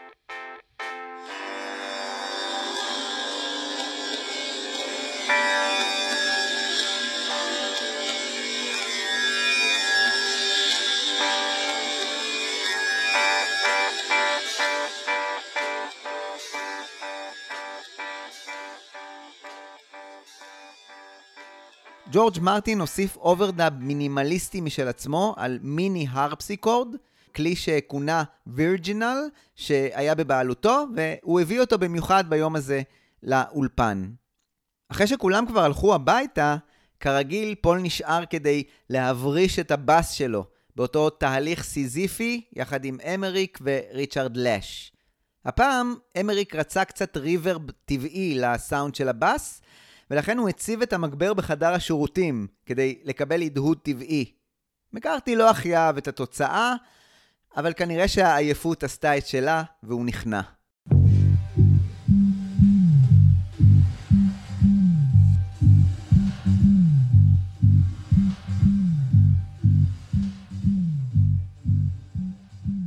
העבודה על Getting Better התחדשה רק כשבועיים אחר כך. בואו נחזור להנטר דייוויס ולביוגרפיה של הביטלס, ולתיאורים של דייוויס את יום ה-21 במרץ 1967. ג'ון וג'ורג' התאספו בביתו של פול. רינגו לא היה שם. הם התכוונו לעבוד על track השירה של It's Getting Better, ורינגו לא נדרש לזה. אייבן ווהן, חבר מבית הספר של ג'ון ופול, היה גם הוא נוכח בביתו של פול. בשעה שבע וחצי בערב כולם עברו ל-EMI, שם ג'ורג' מרטין חיכה להם.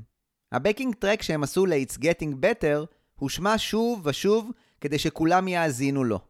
ג'ורג' הריסון ואייבן הלכו לשוחח בפינה, אבל פול וג'ון האזינו ל backing track בקפידה. פול חילק הוראות לטכנאי וסיפר לו מה הוא רצה ואיך זה צריך להיעשות ואילו קטעים הוא הכי אהב.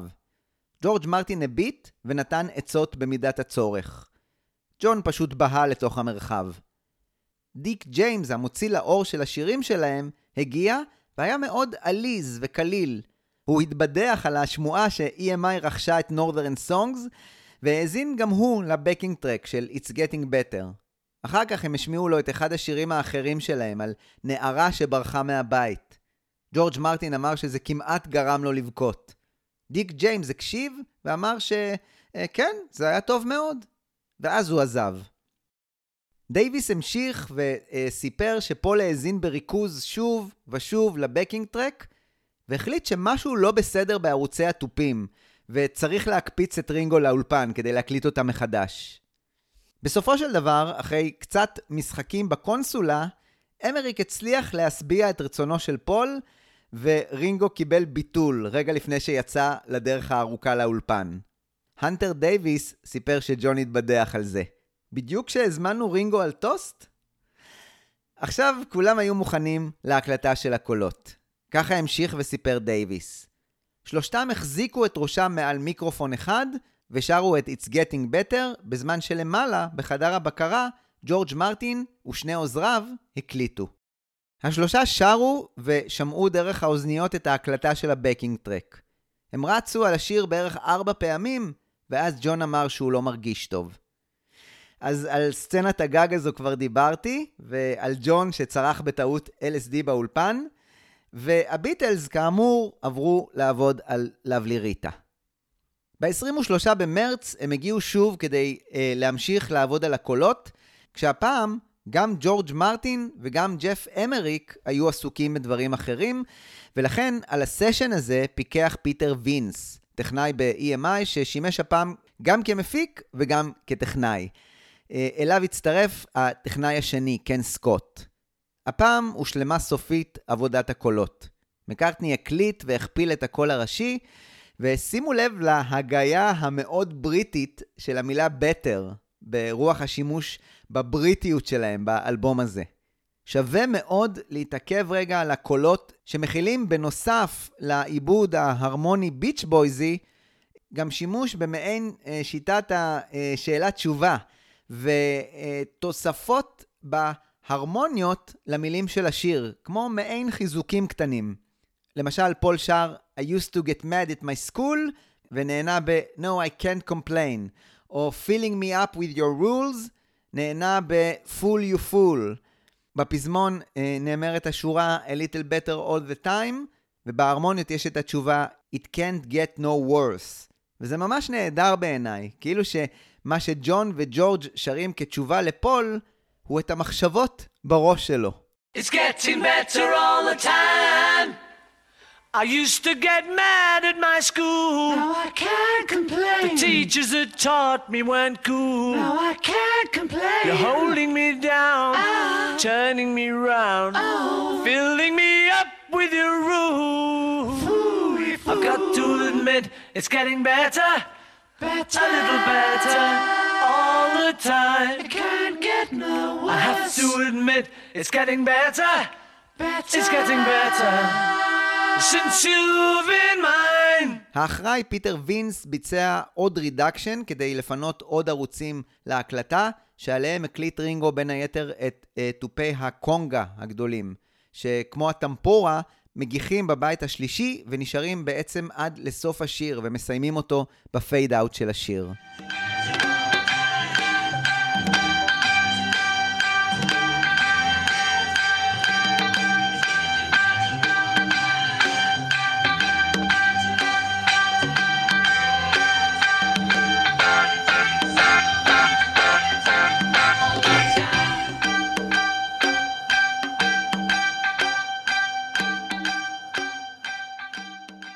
בפרק הבא, תאמינו או לא, אני עומד לסגור את ההקלטות לאלבום הבאמת באמת מופלא, סארג'נט פפר. ונראה איך הפניקס, ג'ורג' הריסון, שראינו שהתאפס על עצמו בפרק הזה, מתרומם מהאפר ומביא שיר רוחני נפלא למצבור השירים הזה של פפר. נפגוש גם את הנערה שברחה מהבית, יחד עם פול שהבריז לג'ורג' מרטין. נקליט סוף סוף את השיר של רינגו, ונחתום את אלבום הקונספט הזה עם החזרה לשיר הנושא, כיאה לאלבום שיש לו קונספט כלשהו. בפרק הבא, כאמור, יתארח בפודקאסט אורח נכבד, שיחד נדון בין היתר על היצירה האחרונה, הפצפונת ממש, שחתמה את ההקלטות לאלבום הזה, ועל המשמעות שלה ביצירה המופלאה הזו. אני הייתי אורי קואז, זה הפודקאסט ביטלמניקס, ותודה לכם מקרב לב על ההאזנה. אני מזמין אתכם לכתוב את דעתכם על הפרק הזה בכל מקום שתרצו, אם זה בפוסט הפרק בפייסבוק, בקבוצה של ביטלמניקס, שאני מזמין אתכם להצטרף אליה ולקבל את כל הפוסטים והחדשות אה, והפרקים של הפודקאסט. אתם תוכלו לכתוב את דעתכם גם בספוטיפיי, שם יש אפשרות לכתוב אה, וגם להצביע לסקר שאני מעלה אה, עבור כל פרק. וכמובן, אל תשכחו לדרג את הפודקאסט בספוטיפיי, באפל, אה, בכל מקום שבא לכם, מה שכמובן עוזר להפצה שלו לעוד ועוד ביטלמניקים מופלאים כמוכם. אני מזכיר לכם שיש גם את הבלוג של ביטלמניקס, שמרכז בו באופן אה, מאוד ידידותי את כל המידע שרציתם ותרצו אי פעם על הביטלס בעברית. מוזמנים להיכנס ולקרוא, לשוטט ולהצטרף גם ל mailing list בבלוג שמעדכן על פעילות חדשה שם. אותי אישית אתם יכולים למצוא אה, בפרופיל שלי בפייסבוק, אה, בטוויטר, ב-threads וגם לשלוח לי מייל למייל של ביטלמניקס. תודה רבה לכולכם. אנחנו נשתמע בפרק הבא. יאללה ביי!